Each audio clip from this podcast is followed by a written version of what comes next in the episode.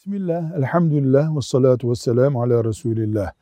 Genç kardeşimiz diyor ki, içimden çok kötülükler geçiyor. Sonra da düşünüyorum ki bunlar hepsi günah olarak yazılırsa ben yandım kıyamet günü diyor. Kardeşimize diyoruz ki içinden geçen kötülükleri ağzınla söylemedikçe, kalemle yazmadıkça, elinle tutmadıkça, gidip gözünle bakmadıkça, kulağınla dinlemedikçe yani eyleme dönüştürmedikçe hiç korkma.